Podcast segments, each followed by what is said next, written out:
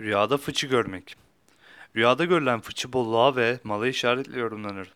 Bazı yorumculara göre rüyada fıçı görmek içindeki şeye göre yani fıçının içinde ne varsa onun işaret ettiği yoruma göre yorum ve tabir olunur demiştir.